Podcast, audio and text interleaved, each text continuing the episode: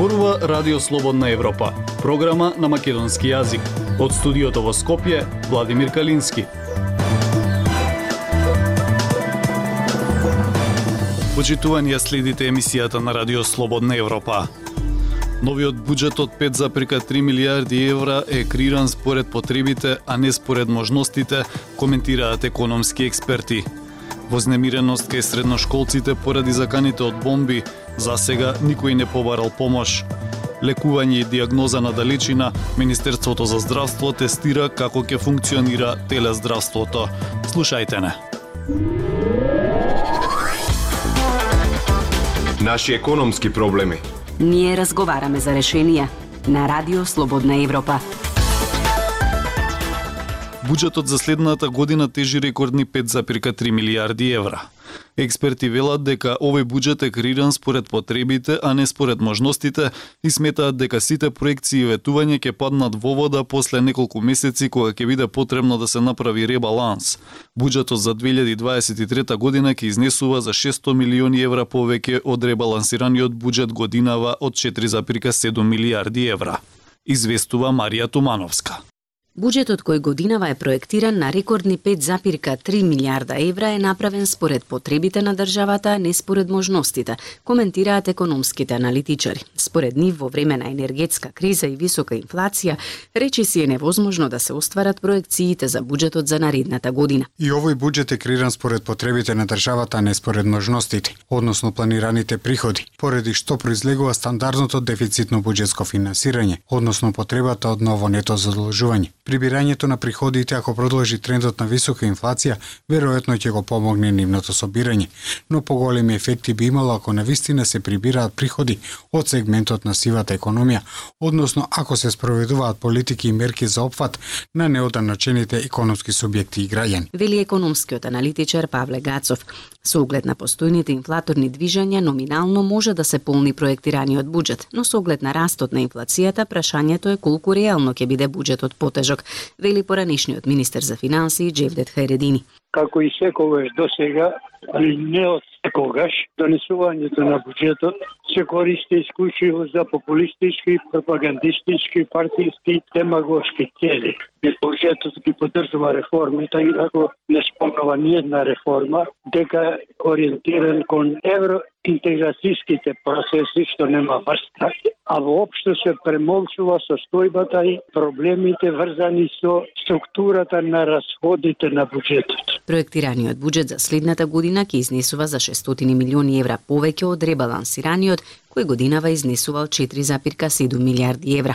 Министерот за финансии Фатмир Бесими вели дека парите со кои се полни државната каса се подпираат на новата даночна реформа што треба да стапи во сила од 1 јануари, меѓутоа и да се подобри и на платата на даноците. Дефицитот е проценет на 700 милиони евра. Наредната година на земјата ќе требаат 1 милиарда и 500 милиони евра за покривање на дефицитот и враќање на старите долгови. Парите, вели Бесими, ќе се обезбедат од домашни и странски пазари, иако Бесими вели дека не се исклучува издавањето на евроврзница. Според проекциите, капиталните проекти годинава ќе тежат 790 милиони евра, односно за 200 милиони евра повеќе од предходната година. Ова според економистите е нереално предвидување ако се има предвид фактот и повеќе од 40% од парите предвидени за капитални инвестиции лани не беа реализирани и потоа беа скратени со ребалансите на буџетот. Мислам дека ќе бидат демонтирани сите овие проекти и ветувања после неколку месеци да истечат од наредната година, па ќе дојде до ребаланс на буџетот и ќе ги видиме сите последици од нереалните очекувања. Од опозицијската ВМРО ДПМН е обвинуваат дека станува збор за најгломазен буџет и дефицит кој е надвор од сите рамки на одржливост и опасност за економијата, како и дека имаат отсуство на план за справување со инфлацијата. Слободна Европа. Следете на на Facebook, Twitter и YouTube. Средношколците се вознемирени поради заканите за бомби, но за сега никој од нив не побарал помош. Не е познато како ќе се дополнат загубените часови, затоа од Сојузот на средношколци апелираат итно да се пронајде сторителот. Полицијата приведе едно лице и одзема предмети од неговиот дом за вештачење, но обвинителството го ослободи од вина. Марија Митевска. Осомничениот кој беше приведен за заканите за поставени бомби во училиштата во Скопје е ослободен од вина. Од полицијата информираа дека со лицето е извршен службен разговор во координација со јавното обвинителство, извршен е претрез во дом, одземени се предмети за вештачење и се преземаат мерки за расчистување на случајот. Од обвинителството потоа соопштија дека се извршени сите необходни действија со цел да нема дополнително задржување на лицето. Со оглед дека првичните вештачења не покажаа поврзаност на лицето со испратените пораки, лицето по извршениот распит е пуштено на слобода, соопшти обвинителството. Платформата именувана како конзерватив МК објави дека приведениот е нивниот член и активист Никола Николовски. Оттаму демантираа дека тој има каква било поврзано со овие настани.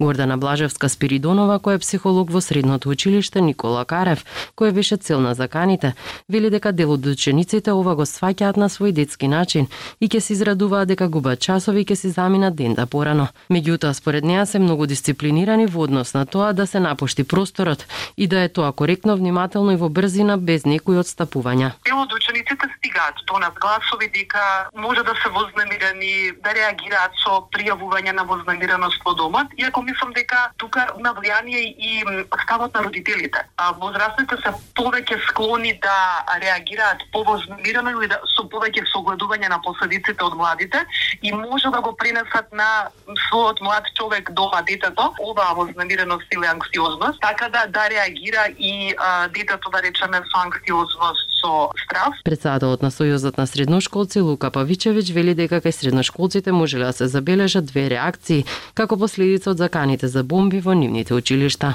Начината реакција беше таква панична и загрижена, а од друга страна пак имавме како нели ова траеше со денови, некои од учениците почнаа да се шегуваат и на некој начин се опуштија, што е разбирливо бидејќи до сега сите дојави беа лажни, меѓутоа сепак ста сериозен е случајот и не знаеме дали можеби некогаш не, не дај Боже ќе да биде вистинската дојава. Блажевска Спиридонова додава дека се трудат заканите да не ги сваќаат дека се многу застрашувачки реални и при тоа постапуваат по соодветни протоколи. Меѓутоа, секако дека не става во прашање ако се прологира истиот овој период да се држиме до некаков установен начин на работа, може би да се размислува за стратегии да не се губат многу часови, како може да се користат алтернативните начини на држање на часови, за и децата да ги држиме во некоја проактивна и а, продуктивна фаза. Според Павичевиќ, средношколците не треба да паничат, но мора да останат и сериозни и да внимаваат, а училиштата кои беа цел на заканите да најдат начин како да ја надополнат загубената настава. Клучно е да се идентификува кој го прави ова што побрзо. Минатата среда за прв пат имаше дојави за поставени бомби во училиштата во Скопје. Три дена поред до училиштата беа упатени такви пријави, пошто следеше нивна евакуација, а во сите случаи по преземените проверки се покажа дека заканите се лажни. Радио Слободна Европа, светот на Македонија. Министерството за здравство тестира како ќе функционира телездравството. Со мал апарат кој што се става близу местото на болка или воспаление и преку интернет, неколку лекари од земјава ќе можат да дадат диагноза или да лекуваат без контакт со пациентите. Почетниот план е апаратите да се користат кај деца и возрастни со попреченост. Прилог на Ивана Стојкова. Ушни инфекции, воспалено грло, треска, настинка и грип, алергии, стомачни проблеми, инфекции на горните дишни патишта и осипи. Сето ова лекарите ќе можат да го диагностицираат без да мора пациентот да дојде во ординација, а со помош на дигитални уреди. Вакви уреди за лекување на далечина или така наречени уреди за телездравство веќе имаат дел од лекарите во земјава и започнуваат да ги користат кај своите пациенти во секојдневната практика. Меѓу нив и доктор Кирил Солески, специјалист по семена медицина во Скопје, кој објаснува како ќе функционираат овие уреди. Значи пациентот кој што да кажем има болка во увот или болка во грлото, кога ќе го има овој апарат, потребно да има паметен телефон и достап до интернет, Wi-Fi или hotspot и да ги поврзе во собствената апликација, да го поврзе апаратот со со својот мобилен телефон. и од пациент го врши прегледот на увото на грлото, бидејќи самата апликација развиена да му овозможува чекор по чекор како да го направи правилно ова испитување. Сите материјали кои што ќе ги направи пациентот се зачувуваат во посебен сервер лидер кој што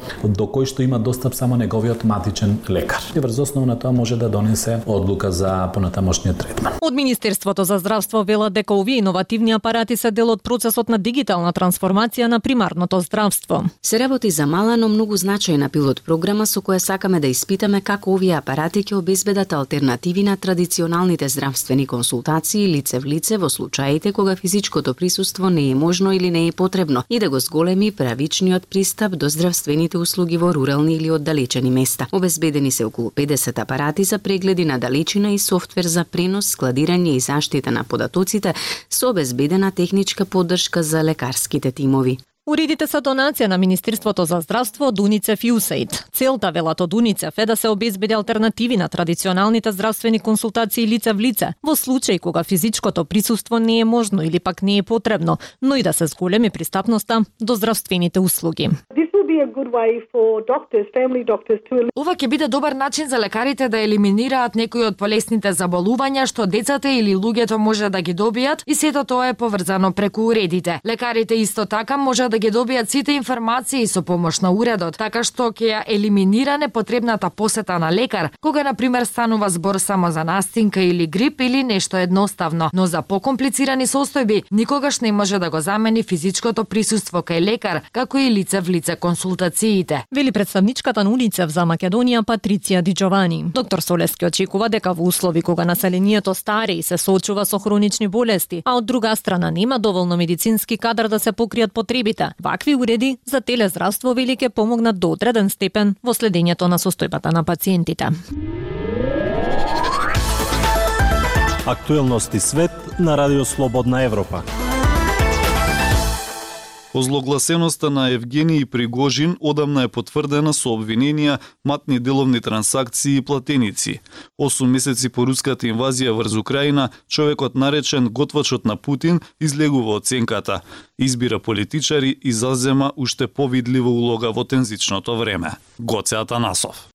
Сообщение од една компанија од Санкт Петербург наречена Concord Кетеринг и менеджмент сугерира дека избраниот шеф на вториот поголемина град во Русија е измамник. Обвинителите треба да го истражат можниот факт за создавање организирана криминална заедница од страна на гувернерот Беглов на територијата на Санкт Петербург, со цел да се ограбува државниот буџет и да се збогатат корумпираните функционери во неговата придружба, се вели во сообштенијето на компанијата, упатено до Националното јавно обвинителство. Бизнисменот кој стои за винението против мокниот избран лидер е Евгений Пригожин, тајкун чие огромно богатство доаѓа од договорите за угостителство во Кремљ и чија озлогласеност доаѓа од врската со најпознатата руска приватна платеничка компанија Вагнер.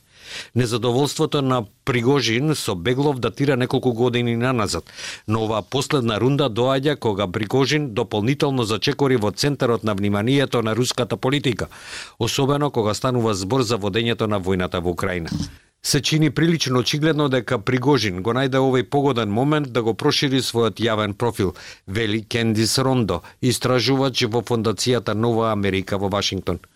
Андреј Колесников, висок соработник во Карнеги фондацијата за меѓународен мир со седиште во Вашингтон, пак прави паралела со Григорий Распутин, мистичниот монах кој владаел над семејството на последниот руски цар во 1910 година.